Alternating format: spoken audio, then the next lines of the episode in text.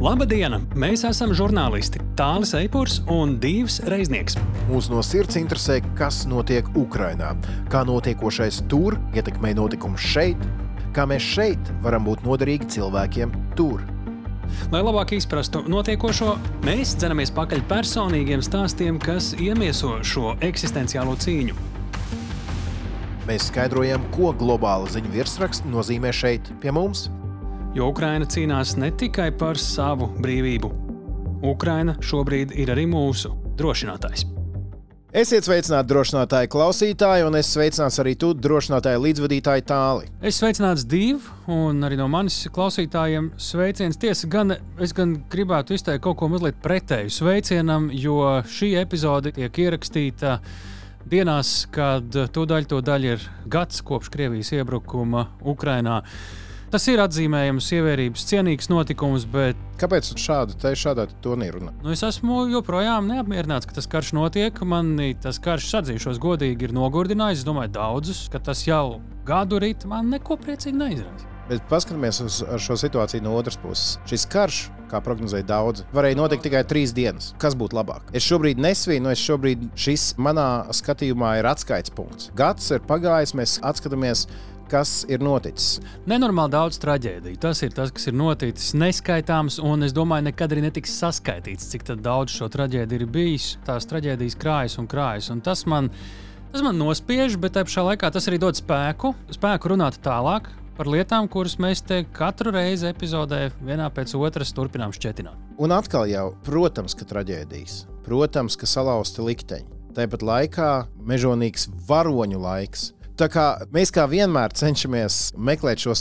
stāstus, gan grūtos, smagos, traģiskos, gan tādus, kas iedvesmo.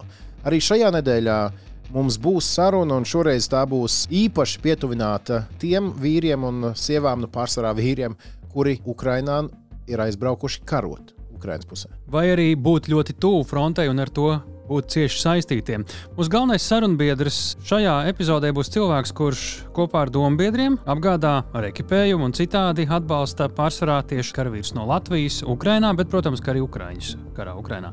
Tas ir Jānis Ratkevičs no Ukraiņas atbalsta biedrības projekta Latviešu vienības Ukrainā vadītājs. Mēs uzzināsim sarunā ar viņu ne tikai cik šī gada laikā karavīru kopumā ir bijuši iesaistīti kardarbībā Ukrainā no Latvijas un cik viņi ir šobrīd. Mēs uzzināsim arī kāda palīdzība karavīriem tiešām visvairāk, visprecīzāk ir vajadzīga ne tikai tagad, bet jau uz priekšu, vasarā. Un tur būs dažādi piemēri, kas ir parādījis, cik izšķiroši var būt mūsu sūtītie. Nu, Varētu sākumā šķist kā nieki, nu, kaut vai pretodu līdzeklis, un tā tālāk. Nu, un, protams, arī stāsts par pašu Jāni, viņa motivāciju, kurš Ukrainu atbalsta jau deviņus gadus. Un vēl jau interesantāk, tāpēc, piemēram, man bija Jāņa skatījums arī uz Ukraiņas armiju. Tāds bez lieka patosa, bez uh, lieka sīrupa, interesants, informatīvs, svarīgs viedoklis. Bet, ja jau mēs sākām runāt par uh, gadu kopš visaptvarošā Krievijas iebrukuma Ukrajinā, tad arī šajā reizē mēs ar Kristīnu Bērziņu Vašingtonā, Maršala fonda pētnieci, parunājām par to, kādi ir tie galvenie secinājumi pēc viena gada karā, masveidīgajā karā. Bet tālāk, pirms mēs sākam sarunu ar Kristīnu, man te ir daži ekspresa jautājumi. Vai tu esi gatavs? Nē, bet aiziet. Vai pēc gada Ukraiņa būs saņēmusi kaut vienu kaujas spējīgu lidmašīnu no rietumiem? Jā. Vai Putins pēc gada būs prezidents? Par prezidentu nezinu, līderis jā. Vai Krima būs Krievijas pārvaldīšanā pēc gada? Daļēji. Ļoti interesanti. Es tev šos jautājumus uzdevu, tāpēc, ka es eh, arī nedaudz izprovocēju Kristīnu uz eh, vienu šādu ātrā jautājumu raundu, bet tas mūsu sarunas eh, noslēgumā. Mēs uzzināsim, ko Kristīna domā par šo. Tur vēl, vēl būs. Oh, jā, oh, vēl labi, būs, labi, vēl būs. Tātad, ja konkrētāk šajā reizē mēs ar Kristīnu runājām par to, kā kopumā pasaule patiesībā ir kļuvusi bīstamāka šī gada laikā, tāpat arī interesanti ir pasakot līdzi Ķīnai, kur tā vien izskatās pieslēdzas arvien vairāk Krievijai, lai cīnītos pret esošo pasaules kārtību. Nu, tāpat arī šis ir bijis gads, pārbaudījumu gads Eiropai un NATO, kas acīm redzami nepietiekami nopietni ir uztvērušas drošības izaicinājumus. Bet tik daudz šajā nedēļā, kopš mēs pēdējo reizi ierakstījām mūsu sarunu, ir noticis, ka mēs sākām ar aktualitātēm.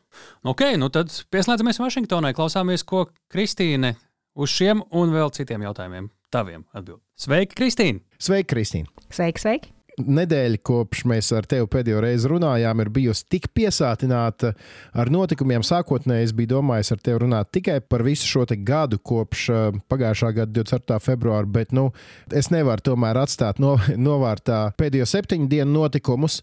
Uh, mēs varam pieminēt. Uh, Moldovas jaunais premjerministrs ir pateicis, ka jādemilitarizē Piedņestra. Britu premjerministrs prasa, kam jūs taupat ieročus rietumi dodam Ukraiņiem. Sarkozī uh, par pārmaiņām ANO drošības padomē runāja. Vācija pateikusi, ka Ukraina nedrīkst sadot savas teritorijas. Bija vēl Minhenes drošības konference, kas visās citās reizēs iespējams būtu galvenais notikums. Un, protams, prezidenta Baidena nepieteiktā vizīte Kīvā, kas pārsteidz daudzus, tā sekojošā runa Polijā, un tāpat dienā arī Putins uzstājās ar savu lielo runu. Kas no šī visa tev, Kristīne, šķiet pats zīmīgākais? Ļoti svarīga ir Baidena vizīte Kievā. Pirms šīs nedēļas runa bija par to, ka Baidens lidos uz Varšavu un no Varšavas runās. Tas būtu parādījis pasaulē to, ka Baidens baidās no Krievijas, un savā ziņā tas nozīmē piekāpties Putinam, un ir ļoti skaidrs, ka ASV netaisās dot Kremlim tādu varu. Un, ja skatās uz Minhenes drošības konferenci un uz to ļoti skaļo atbalstu no tagad arī arvien skaļāk no Vācijas, bet no arī šī Sunaka no apvienotās karalistes par to, ka ir ļoti jāatbalsta Ukraina, tas ir sagaidāms, bet arī tas ir ļoti, ļoti labi tagad gadu pēc šī konflikta sākuma.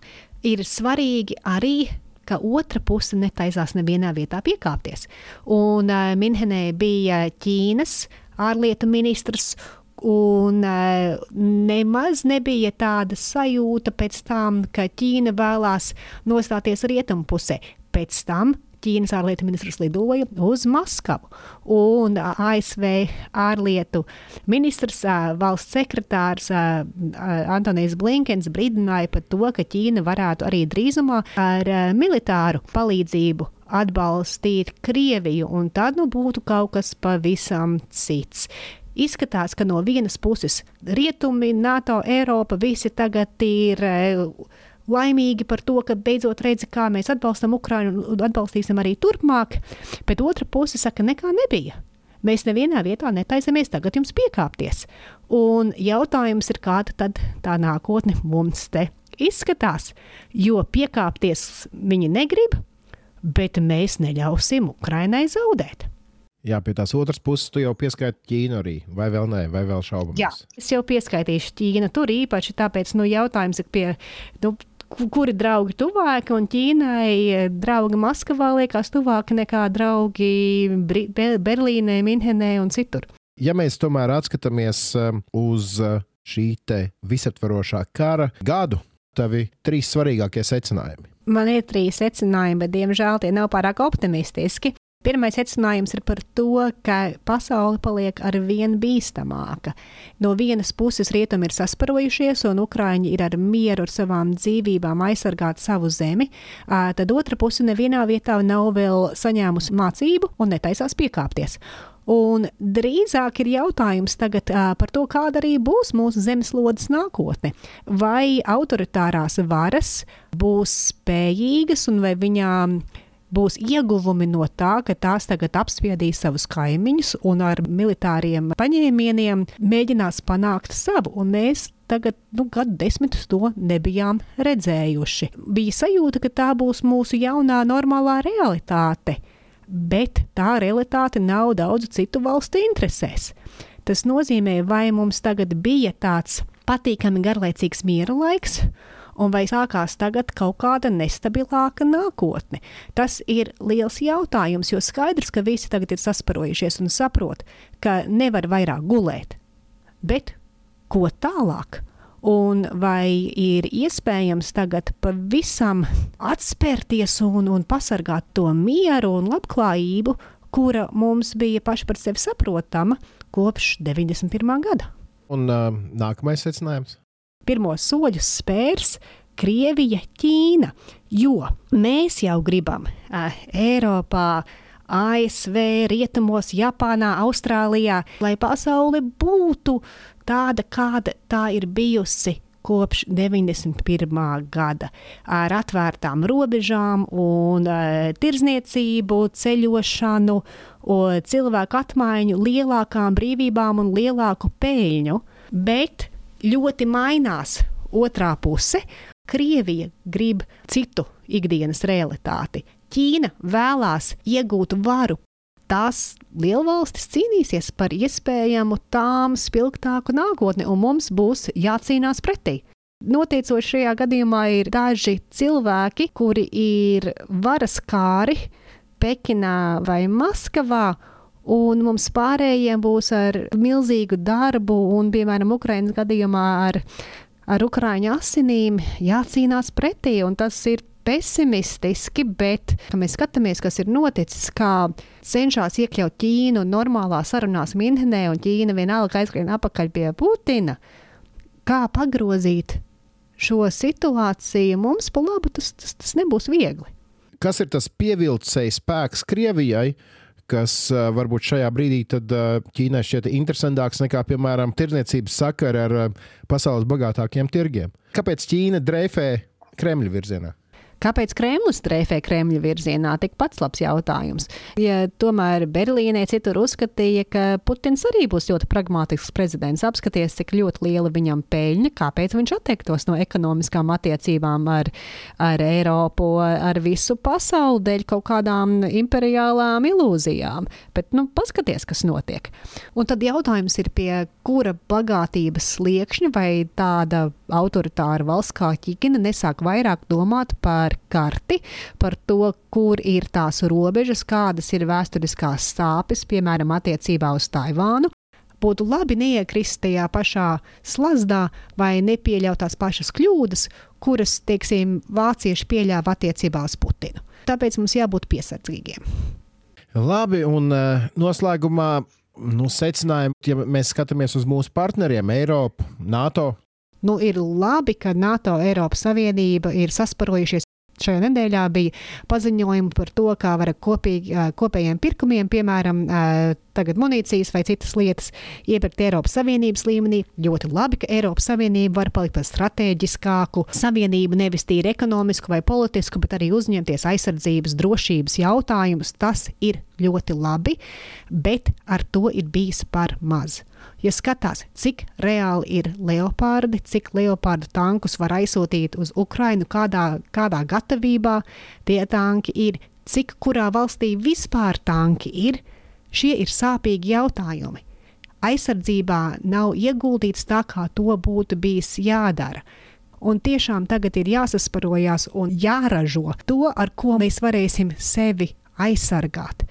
Nevis tāpēc, lai to uzreiz būtu jāizmanto, protams, jāatbalsta Ukrainu un, un arī savus krājumus tagad jāpiepilda, bet tādēļ, lai tie, kuri vēlās gāzt mūsu miera un likuma vērtību pasauli, lai tie redzētu, ka mēs spētu sevi aizsargāt un ka nav vērts mēģināt.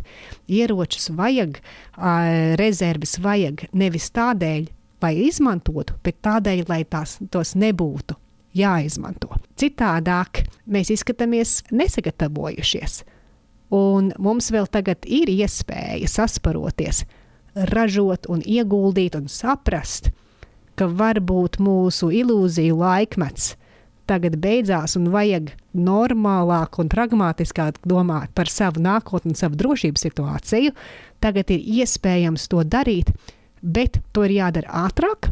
Un ir jāpierunā skeptiskās valstis, piemēram, Austriju, par kuru mēs esam runājuši, ka tiešām laika mainās un ka nevar vienkārši dzīvot Eiropas vidū un izbaudīt visus labumus, bet neieguldīt vai pat bremzēt to, kas nodrošina šo labumu pieejamību. Tāds ir bijis šis gads Kristīnas Bērziņas skatījumā. Un šoreiz mūsu sarunu Kristīna gribētu noslēgt ar nelielu provokāciju. Proti, gribu ar tevi uzspēlēt nelielu ekspresu jautājumu spēli. Būs ātrie jautājumi, un uh, tu atbildi jā vai nē. Labi.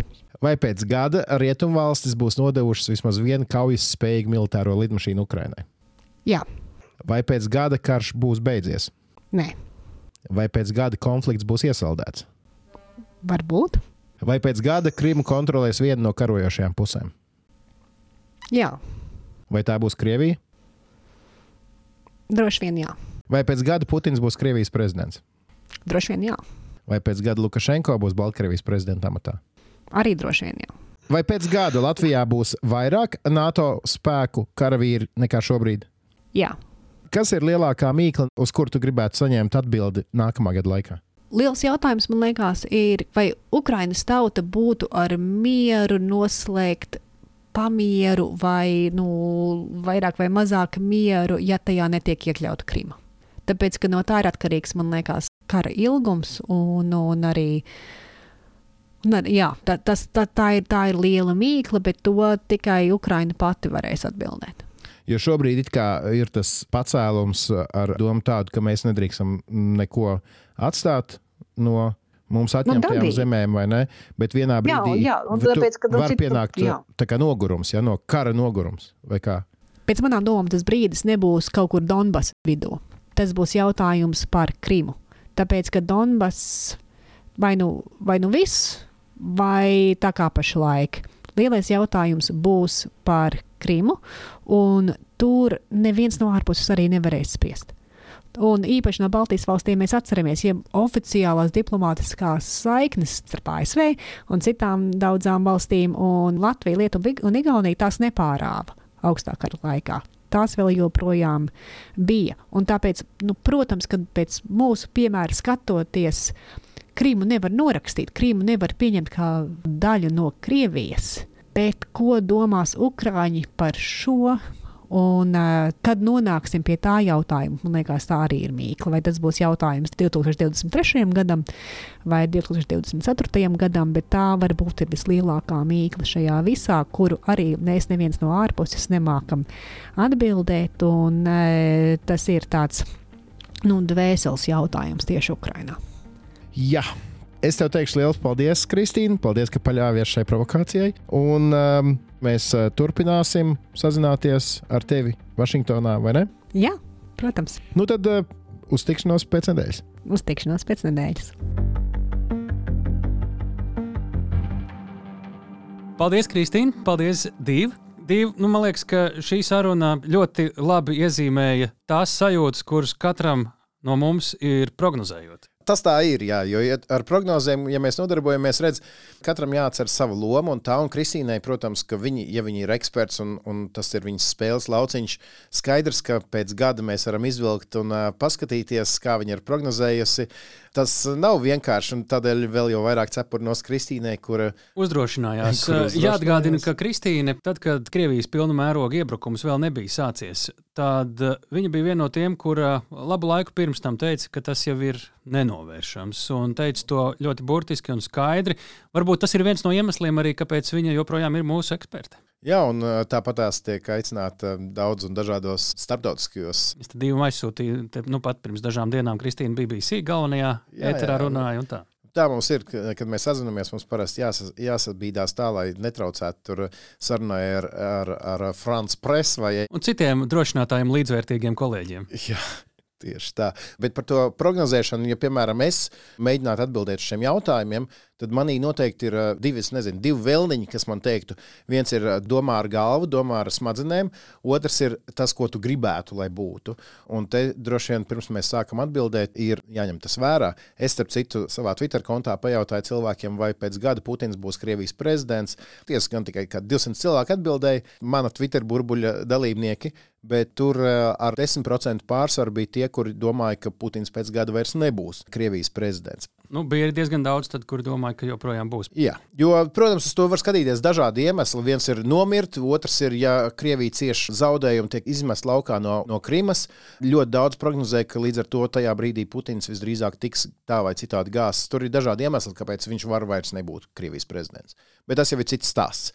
Atgriežamies pie Ukrainas. Mēs tūlīt pat pievērsīsimies tālāk tavai intervijai ar Jānu Ratkeviču, kurš ļoti daudz laika ir veltījis, lai palīdzētu pārsvarā tiem latviešiem, kur cīnās uh, Ukrainā ar ieročiem rokās, bet ne tikai. Bet pirms mēs ķeramies klāt sarunai ar Jāni Ratkeviču, kurš eh, palīdz karavīriem no Latvijas frontē Ukrainā apgādātos.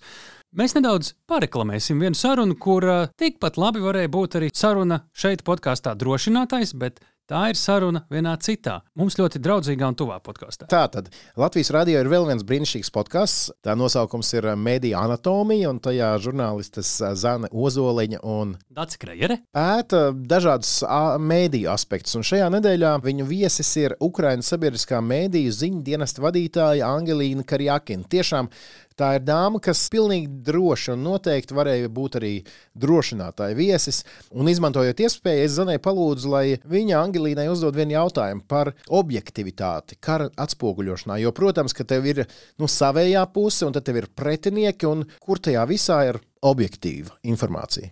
Well, you cannot put in the same sentence, you know, a victim and a perpetrator. Tu nevari vienā teikumā ielikt upuru un varmāku.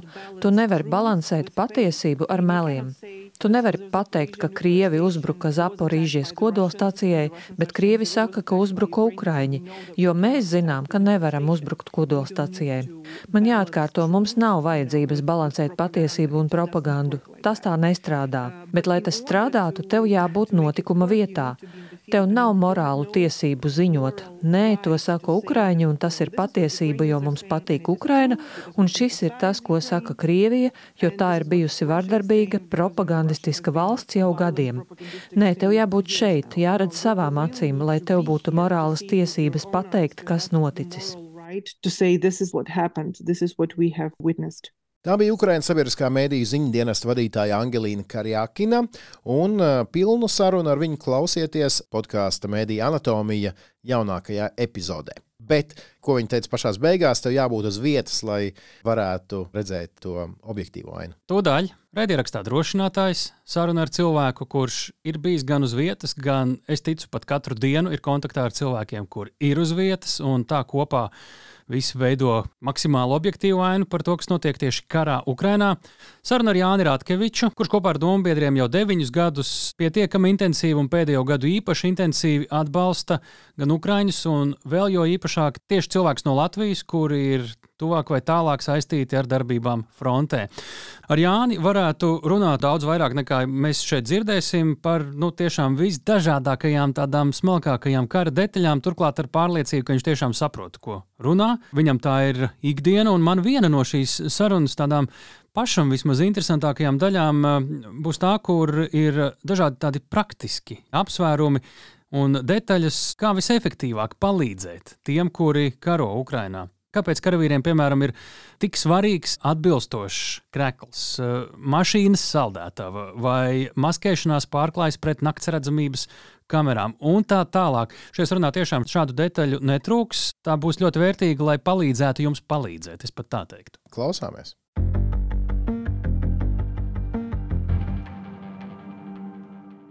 Labdien! Labdien! Jānis Ratkevičs, cilvēks, kurš palīdz Ukrāņiem, ļoti īsi sakot. Mēs labprāt uzklausītu Jāni tavu versiju par to, ko tu dari šobrīd. Es Ukraiņas atbalsta biedrībā vadu projektu Latviešu vienība Ukrainā. Palīdzam latviešu brīvprātīgajiem, kuri cīnās par Ukraiņas brīvību un neatkarību. Pamatā, protams, latviešiem sanāk palīdzēt arī viskaut kam, jo man tas atnes arī citām vienībām, man tas atnes pilnīgi civilās, kas ir civilpersonām, tas mans, kas tiek sūtīts latviešiem, tika izmantots kopīgi. Nu, skaidrs, ka, ja mēs atsūtām medicīnas evakuācijas mašīnu, uz kuras strādā Latvijas, protams, to lieto visi tas vienības mediķi. Protams, dalās, ja mēs kā pašā kara sākumā, kādā martā izsūtījām 60 guļamaisus, un tur latvieši nepilni 20 ir, tad skaidrs, ka latvieši padalās ar visiem apkārt. Kas ir tava loma, kas tu esi tajā visā? Es koordinēju, tad man zvana, sūta ziņas, jautā, kādas manas ir nepieciešamas, kas nepieciešams vairāk, kādas ir aktualitātes, kur atrodas mantas, kur viņas ir jāsavāc. Es tālāk koordinēju. Pats savācu, vai mani kolēģi savāc, savācam noteiktā vietā, skatāmies, kāds ir transports, kur mūsu transports, ko mēs varam iekraut. Ja nav tajā brīdī mūsu transporta, mēs runājam citām organizācijām, kurām tajā brīdī transports ir, sakrāmējam pa dažādiem transportiem to krāvu nogādājam līdz Ukrainai. Tur mūsu volontieriem, sadarbības cilvēkiem Ukrainā paziņojam, kura manta ir kuram, nodrošinam loģistiku tur. Palīdzam arī latviešiem, kuri uz turieni vēlās nokļūt, izstāstam, ko tas nozīmē. Ja pie mums vēršas ar šādu jautājumu, nu, nopērkam ekipējumu tepat uz vietas. Viņus jau apģērbu vēlams pirkt uz vietas, jo apģērbs ir jāpiemēra. Dažādās valstīs, dažādi izmēri, viņi nav identiski, līdz ar to mēģinam noekipēt šeit, cik iespējams, un tad viņš brauc jau tālāk uz Ukrajinu. Ir citas palīdzības organizācijas, tavi draugi, dažāda veida ziedot LV, apakšpalīdzēšanas programmas, ir Pozņaks ar Twitter konvoju, ir uh, droši vien vēl daža laba mazāk redzama organizācija. Kas ir tas, kas jūs atšķir no pārējiem? Nu, tad konkrēti manu projektu atšķir tas, ka tas vērts primāri uz latviešu brīvprātīgajiem. Mums ir tematiskie kaut kādi projekti, pieņemsim, Ukraiņas atbalsta biedrība, kuras ietvaros es darbojos. Vispār darbojos no 15. gada kā oficiāli reģistrētā, un no 14. jau pastāvēs ar viņiem sadarbojos. Es pats palīdzu Ukraiņai principā pat no 13. gada, kad Maidans vēl nebija uzvarējis. Es atceros, es uz Ziemassvētkiem biju aizvedis uz turieni cepumus, spēķpierādziņus un vēl kaut ko no, no uzkodām. Un uz cepumiem, lai Krievijas propaganda skaļāk bļautu, uzrakstīja Pičenki Gozdepa. Valsts departamenta cepumi ASV. Jā, tā es atbraucu, iepazinos ar vienu, otru, trešo. Un, kad sākās konflikts jau austrumos, tad man zvana tie paši paziņas un jautā, klausies, cepumi bija vajag garšīgi, vajag vēl. Vajag ne tikai cepumus, vajag formas, vajag zābakus, šķiltavas guļamaisus un visu pārējo.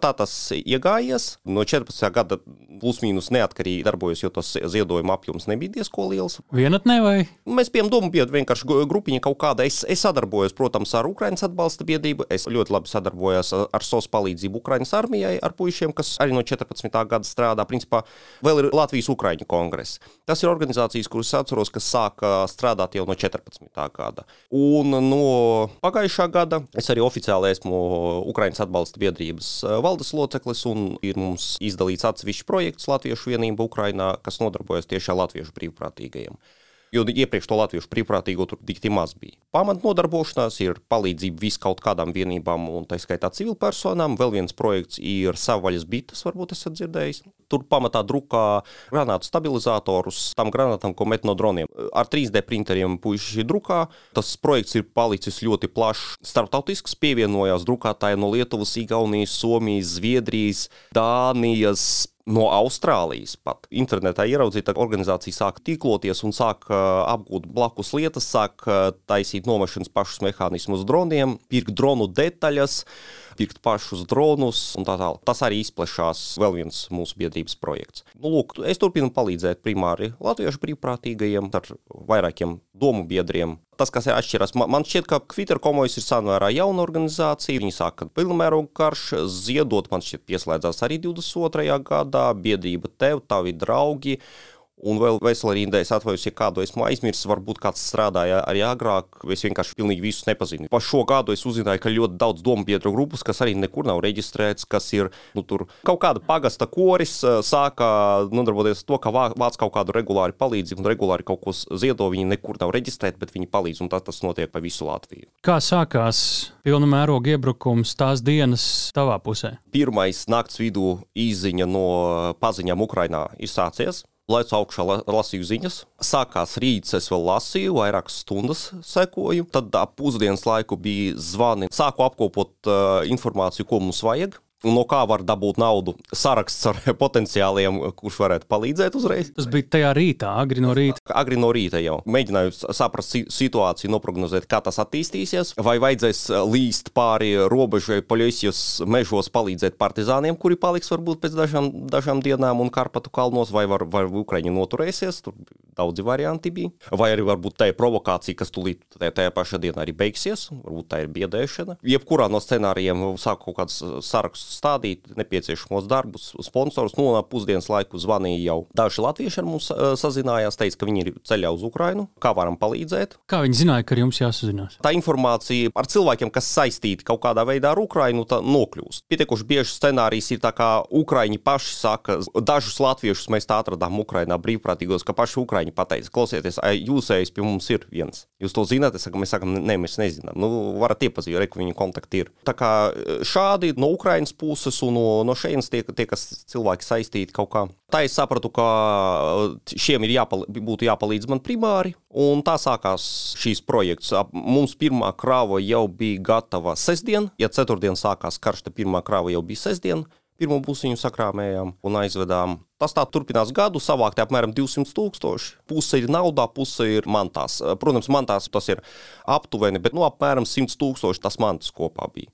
Nu, tas pats Twitter konvojs ziedot viņiem, tā publicitāte ir ļoti liela. Jums tā ir klusāka. Kāda ir jūsu pieeja? Jo lielāks atbalsts būtu, ja jūs klaigātu skaļāk. Nu, varbūt, varbūt nepamanu, tur vienkārši vairāk cilvēku. Mēs neesam Ukraiņas atbalsta biedrībā pārāk daudz. Es tomēr strādāju no 8.30 līdz 5 darba dienās cik tā ārpus tā laika paliek, tik paliek. Un tāpat arī pārējiem biedrībā tas nav pamatdarbs. Līdz ar to neesmu liels speciālists, kā veidot PR un sabiedriskās attiecības. Un, protams, ja būtu pārādītos komandā, kāds, kuram būtu resursi un māca skaļāk popularizēt, jā, būtu ļoti labi. Ņemat pretī, ja? jā. labi. Par tevi pašu, tev ir pilna laika darbs. Kā tu atrodi tam visam resursus? Es domāju, ka ļoti daudzi, kuri klausās šādu veidu saturu, svārstās starp to, vai es nevarētu izdarīt vairāk, druskuļi varbūt vaino sevi, ka redz, kur tie ziedot tur visu savu, kas viņiem ir atlicis. Savukārt es dzīvoju savu mierīgo dzīvi un šādi kaut ko noziedoju. Kādas tev ir attiecības ar to, cik kuram ir jādara, lai atbalstītu Ukrainu, ja cilvēks ir Ukraiņas pusē?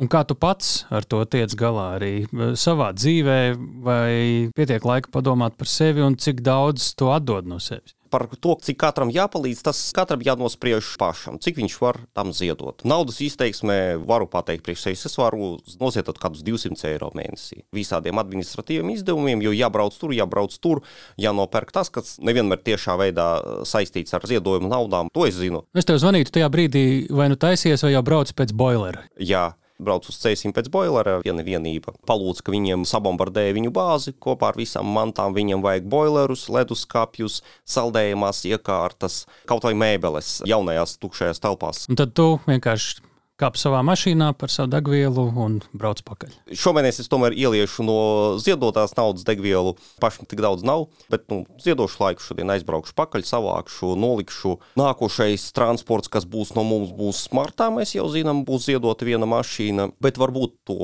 boileri aizsūtīšu arī ātrāk. Iespējams, viens leduskapis parādīsies aizsūtīsim ātrāk, pieņemsim, fūras regulāri brauc no Latvijas-Ukraiņu kongresa sadarbībā ar Ukraiņas vēstniecību, tad pie viņiem var pielikt klāt kaut kādu kravu, lai aizved. Nu, tā ir tā organizēšana, notiek. Lūk, nu, par, par laikiem analoģiski katram jau ir jānospriež, cik viņam ir laika, cik viņam ir citu resursu. Viņas. Kāds var ziedot 100 eiro mēnesī. Starp citu, regulāri ziedotāji viņi tā arī caurmērā ziedot 100-200 eiro mēnesī. Regulāri ziedotāji vislielākā pateicība viņiem Jo svarīgs ne tik daudz ļoti liels ziedojums, svarīgs ir regulārs ziedojums, prognozējums ziedojums, jo tad var plānot iegādes. Tad mēs zinām, ar ko mums rēķināties, kāds ieliek tur automātisko maksājumu. Es skatos vairāk ziedotāji, viņiem jau gada pusgada laikā noteiktā datumā no tā ziedotāja iekrīt 50, 100, 200 eiro. Tad jūs kādam Ukrainā varat droši pateikt, tas, ko tu teici, ka tev vajag, tas būs varu plānot, ka, pieņemsim, nākošu mēnesi jau man, man, man ir tik. Tas nozīmē, ka mašīnu es papildus saremontēt varēšu, kur mums uzdāvinās. Bagažnieku tai uzlikt pānu apakšā, ja būs nopirkt dubļu riepas, pielikt viņu, ielikt iekšā instrumentus. Tas ir vesels stāsts. Tu man arī atsūtīji sarakstu, kā pareizi, optimāli aprīkot mašīnu, kur tiek sūtīta uz frontes pusi Ukrajinā. Man liekas, ka par to vispār ir jātaisa atsevišķa radioraksta epizode, jo tās ir detaļas, kur katra ir arī vēl stāstu noteikti. Noteikti. Es pat jau labu laiku domāju, ka jāuztais pāris video par to ar ekipējumu piemēriem, lai cilvēki labāk saprastu, kas ir nepieciešams un lai saprastu, kur tā nauda aiziet, bet e, rokas netiek līdz tam īsti. Šeit jebkurš eh, sabiedrisko attiecību video vai līdzīgs cilvēks, kurš klausās, droši meklējiet Jāni rokā un uh, piesakieties tālāk. Tas arī, pat ja jūs nevienu naudu neziedojat, bet šādā veidā savu laiku, tad tas arī būs ļoti liels atbalsts Ukrainai un latviešu karavīriem, kur ir Ukrainā. Es esmu pārliecināts, es pat jautājoši neskatos uz Jāni, ka tā ir. Jā, pirms arī sarunas to atsūtīja ne tikai šo automašīnas aprakstu, bet arī sarakstu ar ekipējumu, kurš ir jāgādā. Ja vēl rudenī mēs sarakstījāmies, tas bija ekipējums, kurš ir vajadzīgs ziemai, jo ziema tuvojās. Tagad jau tev priekšā ir vasaras saraksts. Ja, piemēram, martā aizbrauc mašīna, tad uh, tur jau ir jābūt uh, varbūt pat jau citādākam ekipējumam. Kas tad ir tas vajadzību saraksts, kurš šobrīd ir visaktuālākais jums un uz ko tu izmantojot arī šo mikrofonu aicinātu cilvēkus? Tātad ziemas ekipējumu mēs sākam vākt jau augustā. Līdz ar to apgādājam latviešu karavīrus nu, manāmi labāk nekā vidusmēra ukraiņu karavīrs ir apgādāts. Ziemu varēja pārlaist krietni komfortablāk. Šobrīd jau laicīgi, nu kā jau vajag ratus gatavot ziemā un ragavas vasarā. Sākam vākt vasaras ekipējumu, tad ir nepieciešami vasaras zābaki, tas saucamās džungļu botas, tie plāni zābaki, viņos ir pietiekuši vēs, ņemot vērā, ka Ukraina tur temperatūras vasarā ir augstas. Lai gan Ukrainā tas karstums ir paciešams vieglāks, jo tur mitrums nav tik liels kā Latvijā. Ja tur 40 grādi, tas nav tā kā pie mums 40 grādi. Tad zābaki, bikses, krēkli vasaras, panamas, naģenes, ūdens filtri, ūdens kannas. Ukrainas austrumos, Ukrainas dienvidos ar ūdeni ir problēmas. Proti tā upe ir stipri lejā, gruntsūdeņi ir ļoti, ļoti zemu, tur vajadzīgs rūpniecisks urbums. Tur nav tā kā Latvijā katrā ciemā ir aka. Ja tur ir dziļurbums, tas negarantē, ka kara laikā viņš strādās. Līdz ar to, ja arī ūdens kaut kur kaut kādā tvertnē ir atkal, viņš nav tik tīrs kā Latvijā. Tur ir lauki, tur ir pesticīdi. Ukrainā kopumā ir tā augsnī piesārņota vairāk nekā Latvijā. Tad ūdens filtrs, kanas, pretodu līdzekļi, tie, kuri dzīvojuši mežā vai kaut vai dabā kādu laiku, zina, kas tas ir. Ir pretapdegumu krēmi, jā, pēc kāda laika āda pieradīs, bet daļai cilvēku ne sevišķi pierodīt, sevišķi rudmatainiem cilvēkiem. Ziemeļniekiem mums, jā. Ziemeļniekiem, jā, sevišķi rudmataini, viņi ne, neiedeg, viņiem āda regulāri deg, bet viņi, viņi pat nenosauļoties tā īsti nevar. Auto leduskapis noderīga lieta, jo noglabāt kādu pārtiku, tas nenozīmē, ka obligāti vadās automašīnā, bet krietni vienkāršāk ir ielikt kaut kādā pagrabā vai blindažā autoleduskapju un pieslēgt akumulātoram, nekā pieslēgt kaut kur 220 lielo leduskapju. Viņu vienkārši grūti stiept kaut kur. Mazo var ātri iemest mašīnā viens cilvēks, nu, beigu beigās arī dažreiz pavadāt mašīnu, ja ir plus 40 temperatūra un ir diena nepārtraukti nokarota 40 grādu augstumā, vienkārši izvilkt vēso ūdeni un uzliet sev virsū arī ir patīkami. Mēs redzam tavu mantu sarakstus un vajadzību sarakstus. Tavas organizācijas, citu organizāciju Bet es domāju, ka mēs, ja nezinām, kā tas tieši tiek izmantots, varbūt to tā nelīdz kaulam izjūtam, cik ļoti tas ir vajadzīgs, cik izšķiroši tas var būt. Un tā kā jūs tieši vairāk ar karavīru apgādi akcentējaties, tad es gribētu šādus tādus piemērus, kur tas odu līdzeklis, vai pretapdeguma līdzeklis, vai auto leduskapis var izrādīties pat varbūt dzīvībai. Dažreiz izšķirošs, jo, ja sniperim ir jāsit odi, viņu uzreiz visi pamana. Tieši tā, protams.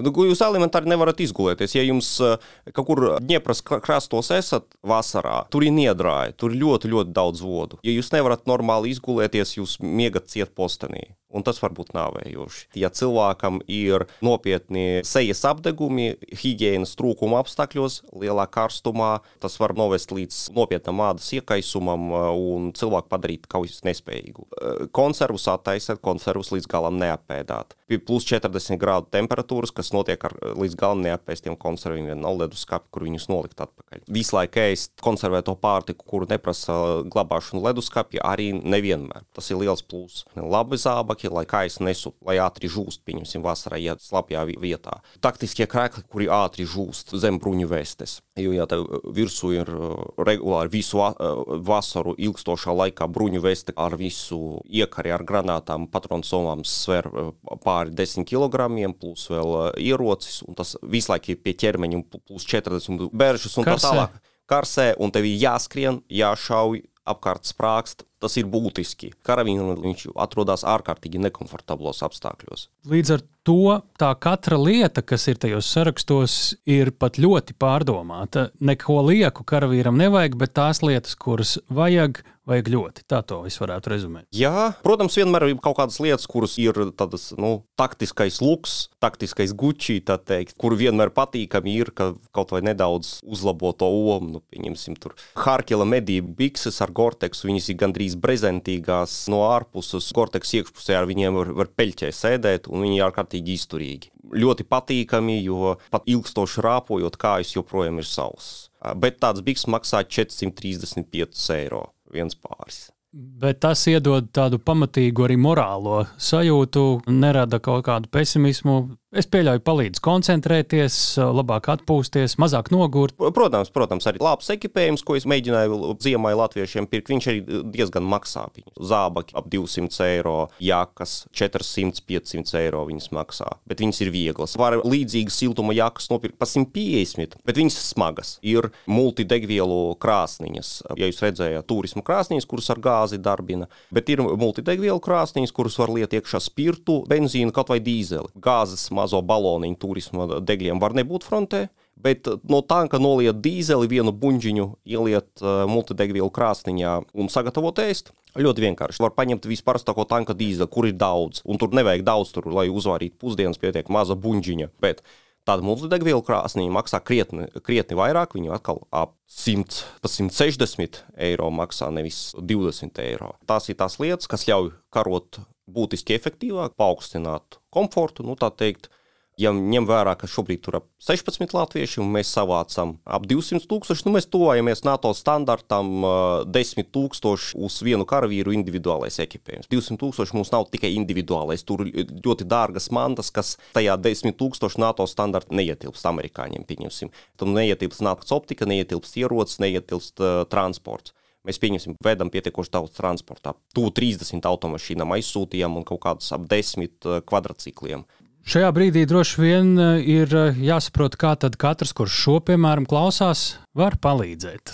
Jo daudz kas no tā, vai daļa no tā, par ko tu šeit stāstīji, cilvēkiem mēdz būt arī mājās. Vienkārši stāv. Varbūt nevienmēr tiek lietots, nopirkts, tāpēc, ka patīk, nevis tāpēc, ka katru dienu jālieto, vai tāpēc, ka interesē. Tāpat arī cilvēkiem ir vienkārši nauda. Kāda ir pieredze, kā vislabāk ir palīdzēt? Kā tu ieteiktu cilvēkam uz sev pieejamiem resursiem paskatīties, lai viņš būtu gan palīdzējis, gan varbūt nebūtu izputējis? Pirmkārt, jāpaskatās sev, sev pa māju, ir ļoti aktuāli šobrīd auto un, principā, jebkāds cits remonta instruments. Cilvēkiem mājās tas ir vienai daļai ir daudz, daļai kaut kāda glabājās vēl no PSRS laikiem, bet jau ļoti sen, sen neizmantots.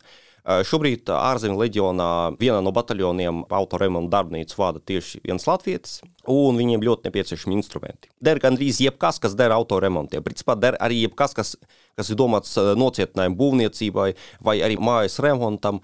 Jo, ja fronte kustās, ievācās kaut kādā ēkā vai pagrabā, kur kaut kā tiek pielāgots, tur elementāri uz sienas jāuzlīmē kaut kāda putas ar foliju, lai bišķi siltāk. Ja tur apgaismojuma nav, jāievelk elektrība pa griestiem vats, plēve jāiesit izsisto stiklu vietā. Elementāras sadzīviskas lietas. Naglas, āmuri, atslēgas, urbji, vadi. Jā. Puse no mūsu būvniecības veikaliem. Mēs visu šeit neizstāstīsim, kas ir vajadzīgs. Izstāst, kur cilvēki var paskatīties uz to, kas ir vajadzīgs, un salīdzināt ar to, kas viņiem ir varbūt pieejams. Droši var skatīties mūsu Facebook profilā, Latviešu vienība Ukrainā, var skatīties mūsu Twitter kontā. Tur ir aktuālās vajadzības, tur ir pastāvīgās vajadzības. Ja cilvēks ar šo jomu nekad nav bijis saistīts, tad es neiesaku pašam pirkt dārgu specializētu ekipējumu. Var nopirkt kaut ko, kas neder. Ne tā kā viņš vispār nedarīs, bet nu, cilvēks nopietni pārtērē līdzekļus, kaut gan ir citas aktualitātes. Ja ir laba nauda, mēs zinām, ko vispareizāk nopirkt. Ja cilvēks nav pirms tam bijis ar to saistīts, tas vienkāršās pastāvīgi vajadzīgas lietas, nopērciet instrumentus, paskatieties mājās, vai ir, vai ir kāds leduskapis, veļas mašīna, kaut kas sadzīvisks. No pastāvīgi vajadzīgām lietām automašīnas apvidus. Ja jūs kāds nopirks lietoto apvidus automašīnu plus mīnus nekļūdīsies, der arī sūtā saucamie šosejas džipi, jo bišķiņa aizmugurē arī ir darbi, kur ar tām mašīnām veids kaut, un, un tāda mašīna labāka nekas. Ja ir kravas mašīnas, pavisam labi, jo loģistika arī jānodrošina. Autorezerves daļas visām ejošākajām apvidus automašīnām praktiski, pieņemsim, Nissan Pathfinder vai L200 Mitsubishi nodarīs gandrīz viss. Pastāvīgi tāda vajadzība ir nakts optika, bet, ja nav pieredzes tajā jomā, tā labāk paši nepērciet. Ģeneratori, vēlams dīzeļi, bet der arī benzīnieki, principā der gandrīz jebkas, jo ģeneratoru joprojām trūkst. Baterijas visparastākās 3A, 2A, vēlams lādējumas ar visu uzlādes ierīci, lukturīši, gandrīz jebkādi, jaudīgākie akumulatori, auto akumulatori parastie un akumulatori, tā saucamie dziļās izlādes cikla akumulatori, kuri ilgstoši spēj strādāt, lai darbinātu kaut kādas iekārtas pastāvīgi kaut kur pagrabā, šo akumulātoru uzlādes ierīces. Protams, ja kāds kaut kādu Gold Zero vai um, Blueti lielo akumulātoru var nopirkt, kas nodrošina arī maņstrāvu 220. Arī ļoti labi. Šis saraksts ir jāmeklē jūsu interneta resursos, un noteikti var aizrakstīt vienkārši jautājumu un saņemt arī atbildi pretī Protams. agrāk vai vēlāk, pavisam noteikti. Katram jā, jāpasaka, man, man, ir, man ir tas un tas. Tur vecā veļas mašīna, mēs pateiksim, jā, ļoti labi. Mēs ņemam, vai kāds gatavs noziedot 500 eiro, ļoti labi noziedot, vai arī tāpat. Viņš saka, viņš pats grib pa 500 eiro ko, ko nopirkt, mēs pateiksim, kas jānopērk. Cilvēkiem ir dažādi tās uzticēšanās, un tas ir pilnīgi saprotami. Tas viss tiek vākts, ir komunikācija ar Ukrajinu visu laiku. Kā tas viss aizceļo līdz adresātiem? Ir frontes tuvums, dažāda veida uzticēšanās stāsti, drošības aspekti. Kā tās mantas beig beigās aizceļo līdz saņēmējam, kurš to liek lietā tuvāk vai tālāk no frontes? Tad pārsvarā tas tiek vēsts kopā ar automašīnām, kas tiek vēstas uz fronti. Pieņemsim, šodien no mums tieši brauc busiņš, kur tas mans tiek sakrāmēts. Brauks pat līdz pašai Harkivai pie ārzemju leģiona, un tā skaitā vedīs uz to latviešu vadītu autoservisu mantas. Bet pārsvarā tas notiek tā, ka tas tiek aizgādāts līdz Ļuvivai. Ļuvivā mums ir ukraiņu volunteeris, kas ir mūsu sadarbības partneris. Un viņš tālāk jau organizē loģistiku pa Ukrajinu savā pusē. Tas nozīmē, ka Ukrāņi paši pa Ukrajinu vienkārši zina labāk, ātrāk, saeļotāk. Tur tas viss mehānisms galvenais to ir dabūt no Latvijas pāri robežai. Galvenais ir dabūt jā, pāri robežai, tālāk plus mīnus nodrošinās. Es labāk zinu tās latviešu vajadzības, bet Ukrāņi uz vietas spēja labāk loģistiku organizēt. Mašīna tiek pārbaudīta, profilaks izieta, tomēr garš gabals, 1000 km un vēl 1000 km līdz frontei. Mašīna, ja šeit nav pārkrāsota, tiek pārkrāsota Ukrajinā, tur darba izmaksas autoservisai krietni lētākas. Un tālāk tiek vēsta uz austrumiem, vai pieņemsim, uzkrauta uz dzelzceļa platformas un aizvesta līdz piefrontes pilsētām. Vēl ir, protams, tā, ka mašīnas tiek aizvestas ar mašīnām, kuras atgriežas. Arī tā notiek. Ir sadarbības organizācijas, kuras palīdz, ja mums tajā brīdī transporta nav, bet man tas ir biedrība tev, Twitter konvojs, tavi draugi, Latvijas Ukraiņu kongress un tā tālāk. Kooperējamies. Kaut gan problēma kopumā tā ir, ka šobrīd vedamo mantu ir vairāk nekā braucošo mašīnu uz turieni. Arī Twitter konvojā parasti viss ir piekrāmēts. Līdz ar to m, iespējams mūsu biedrībai vajadzēs nopirkt atsevišķu busiņu, lai turp šurp vadātu. Un palīdzība vešanas procesā cilvēku resursi jums tam ir, jo Twitter konvojā tur jau vajag tos stūrētājus, kā jums ir. Analoģiski nu, mums ir kaut kāds aktīvs, vairāk cilvēki, kuri pastāvīgi turp brauc. Man nav pārāk ērti pašam, es ik pa laikam braucu, bet neregulāri. Decembrī biju pēdējo reizi, un tagad plānoju pavasarī pats aizbraukt. Es arī zemesargs esmu brīvajā laikā, līdz ar to parasti aizbraucu arī, arī līdz frontei, aprunājos ar vienu, otru, trešo vienību, apkopoju viņu pieredzi, skatos, kādu mēs pozitīvo pieredzi varam pārņemt no Ukraiņiem. Es to militāro pusi arī pietiekoši daudz pētu. Ejam pie karavīriem, kuri no Latvijas ir devušies uz Ukrajinu, tiešāk vai netiešāk, bet ir iesaistīti kara darbībā. Tu jau pateici skaitli 16. Man zināmi šobrīd droši esmu. Vai tas nozīmē, ka visticamāk ir nedaudz vai krietni vairāk? Nē, varbūt kādi daži ir tādi, kurus es nezinu, bet pārsvarā es zinu. Varbūt bija, bija divi, divi cilvēki, tādi, kuri atrasti nejauši. Nezināja neviens, bet par pārējiem es zināju. Es domāju, ka sevišķi vairāk nav. Tad tie, ko mēs šeit sociālajos tīklos manām, mums labi zināmā sarmīta, tāpat arī nesen šajās dienās pārlidoja Latviju Red Fox sniper stāsts, tad pat mēs zinām par šo spoku. Tie visi ir tajos 16 iekšā. Jā, tie visi, kas publiskajā telpā parādījuši, tie visi ir zināmi. Viena daļa nerādās nekur, viena daļa arī nedrīkst rādīties. Jo, pieņemsim, ja viņi ir tie latvieši, kuri ir galvenās izlūkošanas pārvaldes spēkos vai speciālajos spēkos, viņi nemaz nedrīkst to stāstīt. Es zinu, ka viņi tādi, tādi ir, man viņu kontakti ir, bet es nekā nedrīkstu pat viņiem stāstīt. Raksturot tik, cik drīkst raksturot. Kas viņi ir par cilvēkiem? 16 nav tik daudz, tur varētu jau būt jau pa grupiņām, vai sadalīt, ko viņi tur dara. Protams, tie pārsvarā ir kainieki, viens remontnieks, ir kaujinieki speciālajos spēkos, ir galvenajā izlūkošanas pārvaldē. Vairāki latvieši uzreiz ir ārzemju leģionā, vairāki latvieši ir Karpatka Siča vienībā. Un citās vienībās ir pa vienam, nu, pieņemsim, visaugstāko amatu ieņem Valdis Jurgelāns, Poltavas teritoriālā aizsardzība. Viņš vienu brīdi bija pat visas Poltavas teritoriālās aizsardzības štāba priekšnieka vietnieks, laikam. Kas ir Poltavas apgabals, tā ir 1,3 miljoni, tā ir viena Igaunija. Cilvēku skaits ziņā, nu tādu Igaunijas, Igaunijas ļoti augstu aizsardzības spēku amatu ieņem pēc mērogiem. Viņš ir atvaļinātais bruņoto spēku pulkvežleitnants. Viņš tur ieprecējās pirms kara jau aizbrauca, nu, kad sākās karš, nolēma, ka sievas māja ir jāsargā. Trīs latvieši ir mediķi dažādās vienībās, nu, paramediķi, neprofesionāli medicīnas. Sarmīte ir profesionāls mediķis. Viņa ir vienīgā sieviete, man zināmā. Par militāro pieredzi dažāda. Ir cilvēki, kuri ir bijuši Latvijas speciālajos spēkos. Un ir cilvēki, kuriem militārās pieredzes pirms tam nebija nekādas. Es reiz gribētu pabrīnāt Latvijas iedzīvotājus, ja kāds vēlās braukt, un es vairāk kārt esmu teicis, nevajag bez militārās pieredzes uz turieni doties. Ukraiņiem paņems ļoti daudz resursu jūs apmācīt, liela iespēja jums aiziet bojā.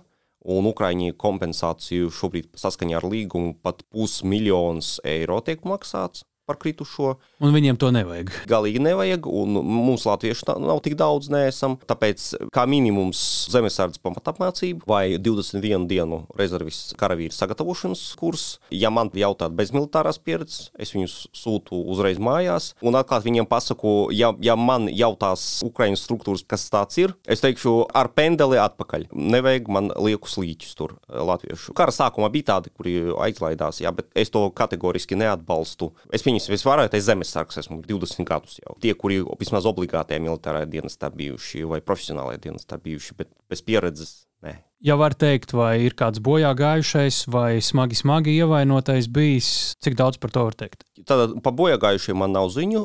Smagi ievainots ir viens, bet nu, Tas ir diezgan unikāls gadījums. Cilvēks karo no 14. gada no Latvijas. Viņš nav Latvijas īsti, viņš ir Latvijas pilsonis, viņš ir Ukraiņas, un viņš karo no 14. gada. Un 22. gada vasarā viņš bija ļoti nopietni savainots. Pieļauju, ka viņš nekaros vairs nekad, viņam ir nopietna invaliditāte. Viņš jau gan raujās uz fronti un bez tā sevi neredz, bet cik es viņu redzēju, man, man neizskatās, ka viņš būs karotājs. Pārējie, jā, ir bijuši savainoti, bet nu, nekas nopietns. Tā, tāpat armija bija kontuzēta. Vispār tie, kuri piefrontes pirmajās līnijās, liela daļa no viņiem tiek kontuzēti vismaz viegli. Artilērijas karš. Protams, tie, kuri strādā nedaudz attālinātāk, tiem vienkāršāk pieņemsim tie, kuri ir drona operatori, tie, kuri ir artilērijā, ja paši nav nokļuvuši zem uguns, tur ir vieglāk. Vēl varbūt par to, ko dara tie mūsu karavīri. Sacīja, kainieki, viens ir remontnieks, tad ir šo samērā slepeno vienību cilvēki, pieminēja drona operatoru, mediķus. Sna snaiperi ir, ir izlūkdiversiju grupu kaujinieki, ir apgādē, pietiekoši plašs specialitāšu klāsts. Valdis Jurgilants ir vadība, protams, tā ir militārā plānošana. Jurgilants jau ir bijis arī frontē. Šobrīd ir 16. Vai viņi pārsvarā visi jau ir no cik vien iespējams paša sākuma, vai tur tomēr rotē? Rotē, tur šobrīd es saskaitīju, ka bijuši kopš kara intensifikācijas brīža, tur bija 35 latvieši. Šobrīd ir 16. Protams, kaut kāda rotācija notiek. Kaut kas aizbrauc, kaut kas atbrauc. Tas ir arī atalgojums, jo mēs labi zinām atveru stāstu. Viņam arī iesauka bija cash. Nauda. Ko tas nozīmē vispār? Cilvēkam aizbraukt uz turieni, tu karo, tevi apgādā ar karam vajadzīgām lietām. Atvars mums stāstīja arī par naudas lietām. Viņa sociālajos tīklos tas parādās kā viena no sastāvdaļām visā tā procesa. Kā tu teiktu, cik svarīga tā lieta ir cilvēkiem, kuri tur dodas, un cik klātesoša ir tā lieta? Lieta ir klātesoša, bet tā nav izšķirošā vismaz vairākumam. Tas nebija galvenais iemesls, eh, kāpēc cilvēki aizbrauc un karo.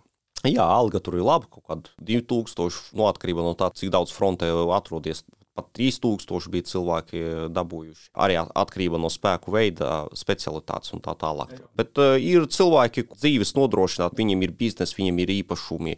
Peļņa šeit Latvijā ir ievērojami lielāka, vai arī uh, viņam ir pasīvais ienākums, kur viņam pat nekas sevišķi nav jādara, bet nauda ir un viņš tik un tā brauc uz turieni. Līdz ar to tas nav izšķirošais. Vai arī cilvēki, kuri pelnījuši vai nu Latvijā vai Latvijā strādājot Norvēģijā, Īrijā, Vācijā, lielākas algas nekā viņi saņem šobrīd Ukrajinā. Protams, ir viena daļa, kuriem tas ir pietiekoši nopietns pluss, jo Latvijā viņš nepelnīja tik daudz. Jā, nu, bet, bet cash nav saistīts iesauka absolūti ar to, ka viņa, viņam nauda patīk. Viņa vienkārši izsniedz bruņu vēstu, uz kuras bija uzzīmēts dolārs. Un tad jau pirmajā dienā viņam ārzemju, laikam, meksikāņi iedevuši viņam iesauku cash. Nu jā, mēs jau paši viņam arī par to naudu jautājām. Nebija jau tā, ka viņš pats mums ar to uzbāzās to jautājumu. Bet cik daudzi ir tādi, kuri interesējas un kuriem tu pasaki, jā, es redzu tevi tur, un kuriem tu pasaki, ai nē. Kāda ir tā interese no Latvijas salīdzinot ar to ciparu, kuri tur karo? ir interesējušies apmēram divreiz vairāk nekā tur ir. Es jau ne, neesmu ver, vervētājs. Viņi galu galā bez manis var, var aizbraukt. Tikai man ļoti iespējams Ukraiņas varas iestādes pa neoficiāliem kanāliem pajautās, kas šitais pa cilvēku ir. Jo viena lieta ir oficiālie kanāli, kur tiesāts nav, parāda nav un tā tālāk, bet nepēta cilvēku sociālos tīklus, nepēta draugu loku un tā tālāk. Ir viens cilvēks, kuru es izbrāķēju uzreiz, papētīju narkotikā atkarība, nevajag tur tādus. Ir latvieši, kuriem Ukraiņas pusē ir problēmas ar alkoholu, Šeit bija nopietnāks gadījums jau. Ir tādas ļoti aizdomīgas personas, kuram motivācija man galīgi nebija saprotama, kas viņš tāds ir. Bija cilvēki bez militārās pieredzes, kuri aizsūtīti uzreiz mājās. Kaut kādi apmēram divreiz vairāk ir interesējušies, bet vai nu neaizbrauca, vai nu aizbrauca, parunāja, paskatījās līgumu un viņus tas neapmierināja. Dažādās stadijās viņi vai nu paši atbiruši, vai nu tikai aizsūtīti mājās. Cik daudz zini par mūsu kaimiņiem, lietuviešiem, igauniem, Lietuviešu ir vairāk.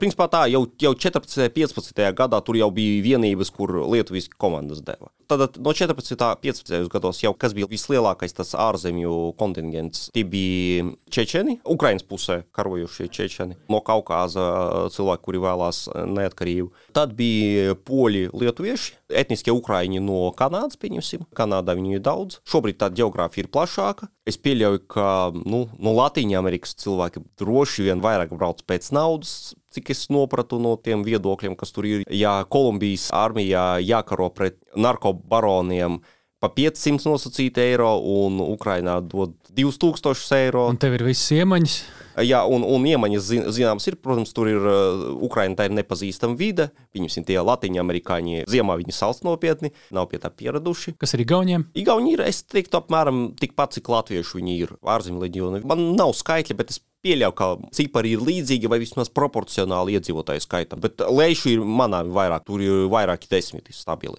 Tieši skatoties no iebrukuma, tagad pilna mēroga brīža, kas ir tās lietas, kuras jūs šobrīd darītu citādāk? Principā mūsu pieredze bija pietiekama no 14. gada, lai plus-mínus izdarītu pareizi. Jo mēs, eh, man bija patīkams pārsteigums par Latvijas iedzīvotāju lielo atsaucību, par to, ka gadu jau tas turpinās, saziedots daudz, un Latvija gan valstiski viena no līderiem, gan arī volunteeru ziņā viena no līderiem. Un tāpat kā liela daļa Ukrainas kaimiņu, izņemot varbūt Ungāriju. Brīdī, kad es sāku, es biju domājis, ka tas būs uz diviem, trīs mēnešiem, pēc tam viss tas noplaks, atkal paliks tā kā bija starp 16 un 22 gadu 2-3 tūkstoši gadā kaut kādi, kas tiks savākti. Bet nē, tas turpinājās un turpinājās un joprojām turpinās. Tur bija īstermiņa lietas vairāk, šobrīd mēs varam ilgtermiņā vairāk plānot tas iegādes.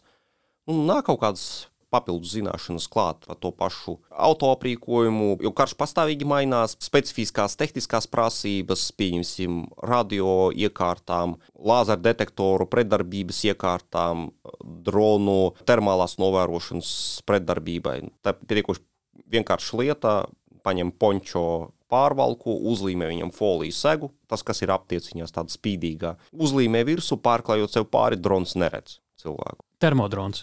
Termālā iekārta, pat cik drons no augšas tomēr lido. Ja ir pārvilkta, tad viss karavīri guļas vietas, pa, pa virsmu vēl maskēšanas tīkls, tad siltuma izstarojumu neredz necik. Protams, ja cilvēks virsū uzvilks, tad pati tā pončo sasils, un tad sāks starot. Pēc ka viņa pati pa sevi silta paliks tāda nianse. Un tas droši vien attiecas arī uz tehniku un līdzīgi, jo mašīnas silst un tam līdzīgi. Protams, mašīnas silst arī mašīnām. Tas pats ir aktuāli. Mēs sākumā vairāk spončotā līmējam klāt. Šobrīd mums ir pieejams rūpnieciski lielie pārvalki ar, ar vienu pusi metalizēto, ko uzlēju Eh, pārvalkt tādu pāri mašīnai. Un arī, ja ir gaisa sprauga starp mašīnas korpusu un pārvalku, lai pārvalku pats par sevi neuzsilst, tad mašīnu tā var noslēpt, jo mašīnas dzinējs ļoti karsts, viņu ļoti uzskatāmi var redzēt. Ir lāzera maldināšanas iekārts, ir eh, radio maldināšanas aparatūra, ir tādas eh, specifiskās lietas, par kurām es pat visām nevaru stāstīt, bet kuras tiek ik pa laikam pasūtītas, ka ir nepieciešams maldināt ienaidnieka Elektroniskās kara darbības ierīci ir nepieciešams no tām izvairīties, ir nepieciešami labāki protokoli droniem,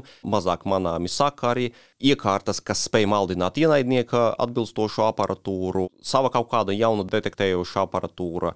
Tas ir jau tehniskā puse, kas arī pie mums tiek dažādās formās, nelielos daudzumos gatavota, saskrūvēta, aizsūtīta.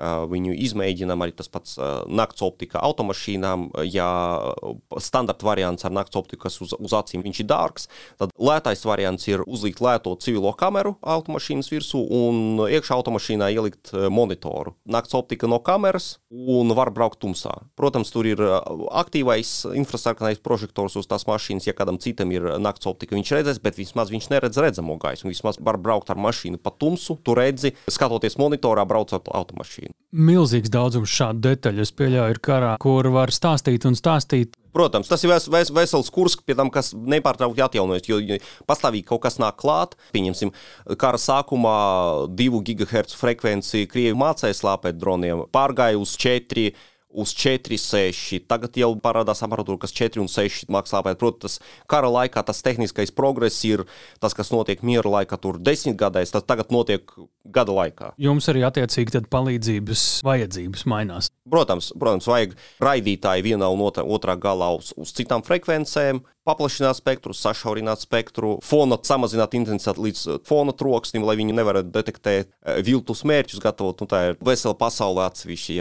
Pirms gada Ko jūs, tu, dombiedri, domājāt par to, kur tas karš aizvedīs, salīdzinot ar to, kur tas ir tagad? Mana prognoze bija drūmāka. Kad sākās karš, es biju domājis, ka Ukraiņas armija tiks sakauta 20-30 dienu laikā. Nē, es nedomāju, ka viņi Kijevu ieņems trīs dienu laikā, ka Dņepras kreisais krasts tiks ieņemts, ka Ukraiņas organizētā pretestība tiks salauzta. Es nebiju domājis, ka viņi okupēs rietumu Ukrainu vienkārši tāpēc, ka Krievijas spēku nebija tik daudz skaitliski. Bet es pieļāvu, ka austrumus anektēs Krievija, tāpat kā Krīmu, jūras piekrasti anektēs. Tagadējā Kijivā un apkārtnē iedibinās kaut kādu marionešu republiku ar kaut kādu Janukoviču tur priekšgalā vai tam līdzīgu radījumu. Nu, Ukrainas suverēnā vara paliks tikai Rietumu-Ukrainā, tā kaut kur pa veco PSRS un Polijas robežu pirms 39. gada. Nu, un tad būs partizānu cīņa, kam būs jāpalīdz. Ukrainas armijas pulsmīnus novērtēju adekvāti. Es biju domājis, apmēram tā kā viņi cīnījās, tā viņi arī cīnīsies.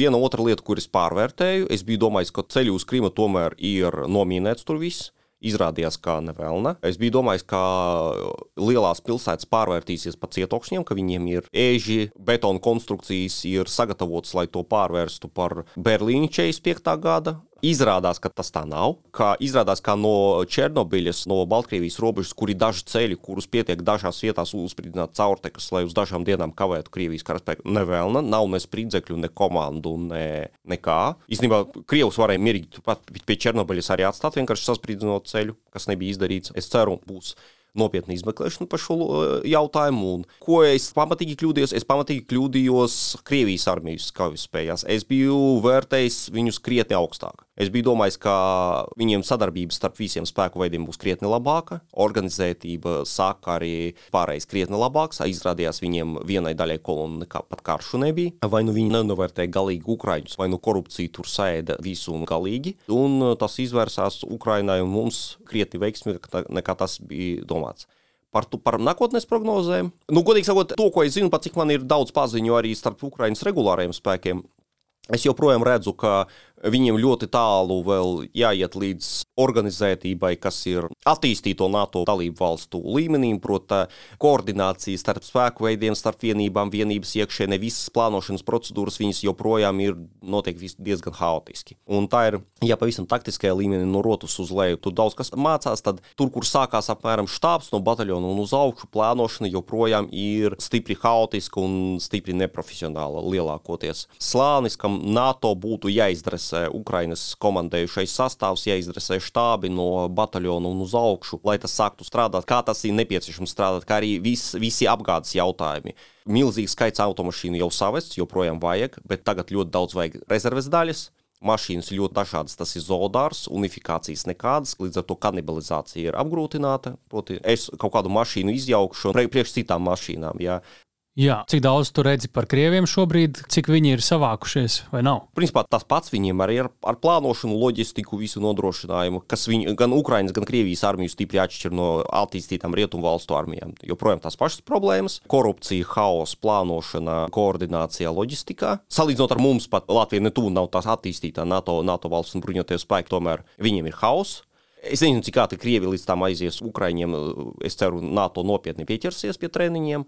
Lai Ukraiņu spēkus dabūtu jaunā kvalitātē. Ne tikai vienkārši iedodot jaunu tehniku, bet iedodot to visu sistēmu, kā tiek tehnika pielietota, kā tiek sagatavots personāls, kā notiek apgāde, kā notiek remonti, plānošana, uzdevumu analīze, uzdevumu došana. Tas ir atsevišķi atkal stāsts garš par stratēģiju un taktiku. Kur piet šis karš? Tas nav tas, ko es vēlos, bet tas, ko es prognozēju. Man jau, protams, gribētos, lai Ukraina ātrāk uzvarētu un tas viss beigtos un Krīma tiktu atbrīvota. Bet izskatās, ka rietumi iedos tik daudz bruņojumu, lai Ukraina nezaudētu, bet ne tik daudz, lai Ukrainai pietiktu visu teritoriju atbrīvošanai. Līdz ar to man šķiet, ka tas ies uz to, ka abām pusēm būs tik liela zaudējuma, ka būs kārtēja kaut kāda konflikta iesaldēšana uz vienām, otrām, trešām robežām. Pieņemsim Krievijas atkāpšanos uz uh, pirms iebrukuma teritoriju. Nu, un atkal, atkal tāds uh, ilgais piekārtais stāvoklis. Tas, diemžēl, man izskatās ļoti reāls scenārijs. Jā, Ukraiņi šobrīd ir apņēmības pilni cīnīties, bet ar apņēmību ir pamaz. Vajadzīga lielāka pašdisciplīna, lielāka organizētība pašā Ukrainā. Nu, Jāreķinās postpadomju valsts ar pietiekoši augstu korupcijas līmeni, proti, Ukraiņiem ikdienā jāsaprot, ka uzvara nav tikai kaujas laukā, lai uzvarētu Krieviju. Mazākai Ukrainai jābūt krietni organizētākai. Ja Krievija ir 140 miljoni un Ukraiņi ir 40 miljoni,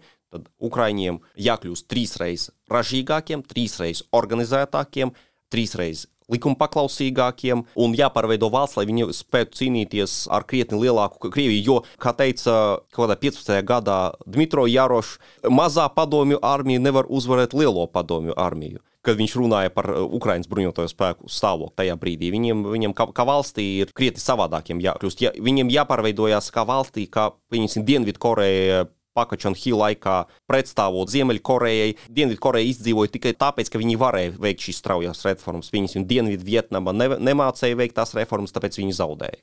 Viņiem kā sabiedrībai ir jāpārveidojās, jākļūst krietni labākai, lai viņi varētu. Un, protams, viņiem ir jāsaņem rietumu atbalsts gan apmācības līmeņa, pieeju līmenī, stratēģijā, taktikā, tehnikās, procedūrās, lai viņi varētu izspiest Krievijas spēkus no Ukrainas. Protams, te vēl jāpiemina, vienmēr ar totalitārām valstīm, tādām kā Krievija, vienmēr pastāv kaut kādi negaidītie scenāriji, kurus, nu, pieņemsim, kurš kaut kādā 89. gadā varēja prognozēt PSRS sabrukumu, kurš 1915. gadā kaut kā Latvijā cāru gāzīs, Latvija paliks neatkarīga, jums pateiktu, jums kāda neatkarīga Latvija, jūs pa ko? Jā, aizgājām jau atkāpē.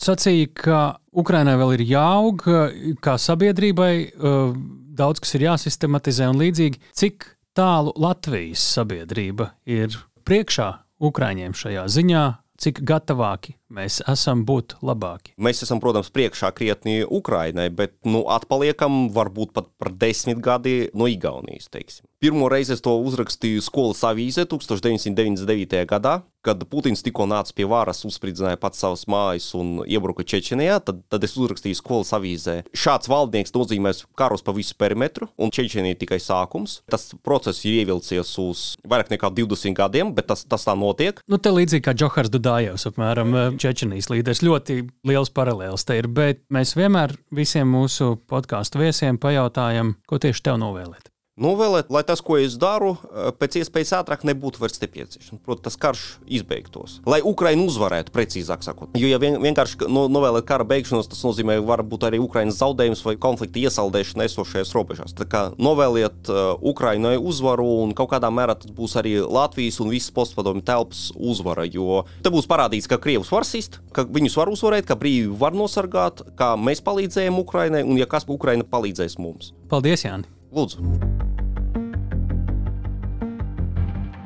Paldies, Tāli! Paldies Jānim Ratkevičam no Ukraiņas atbalsta biedrības projekta Latviešu vienība Ukrainā vadītājs. Ja gribat viņiem palīdzēt, tad tāli vispareizāk ir visvienkāršāk tātad Facebookā es ierakstu Latviešu vienība Ukrainā. Latviešu ne? vienība Ukrainā. Tieši tā. Paldies Jānim arī par um, to pēdējo daļu, kur viņš uh, bez ceremonijām izcēla Ukraiņas spēku plusus un mīnus. Man šķiet vispār ļoti veselīgi klausīties uh, cilvēkā, kurš nebaidās atklāt arī mīnusiņus. Nu, un es varu atkārtot vēlreiz to pašu, ko pirms sarunas. Mēs ceram, ka šis jums palīdzēs palīdzēt. Un palīdzēt patiesībā jūs varat arī, ja jūs um, aizsūtīsiet saviem draugiem, radiem paziņām linku uz šo sarunu. Iespējams, ja jūs nevarat šajā brīdī jau kādā veidā palīdzēt, vai ar laiku, vai ar naudu, vai ar darbu, tad noteikti jūs zinat kādu, kurš vēl aizvien nav noguris vai ir spējīgs palīdzēt mūsējiem Ukrajinā un Ukrāņiem Ukrajinā un visiem citiem cilvēkiem, kas dara labus darbus. Jūs noteikti arī esat laipni aicināti parakstīties uz mūsu podkāstu, kļūt par abonentiem dažādos servisos, Sekotājiem. sekotājiem. Ja jūs padalīties ar šo mūsu ierakstu, lieciet hashtagus drošinātājs, gal galā rakstiet mums arī vēstules. Es pateikšu e-pastu drosinātais at Latvijas radio LV. Citādi tu vienmēr saki. Man īpaši patīk tava izruna. Jā, paskastīte vēl aizvien ir atvērta un atslēga nav nolauzta. Mēs ceram, ka pēc gada, tad, kad varētu apritēt divi gadi kopš Krievijas iebrukuma Ukrajinā, mēs šo atslēgu būsim nolauzuši. Šī raidieraksta vairs nebūs. Faktiski tā ir vēršanās pie mūsu austrumu kaimiņiem. Ejiet prom no Ukrajinas, lai mums šīs raidieraksts pēc iespējas agrāk beigtos. Es savukārt ceru, ka mūsu klausītāji tā vai citādi vēl aizvien turpina atbalstīt Ukrajinu. Galu galā izvēlieties vienu veidu un, un daram to, un lai tas viss ātrāk beidzas. Paldies par uzmanību un atcerieties, Drošinātājs tas ir skaidri un personīgi par karu Ukrajinā. raidieraksts drošinātājs.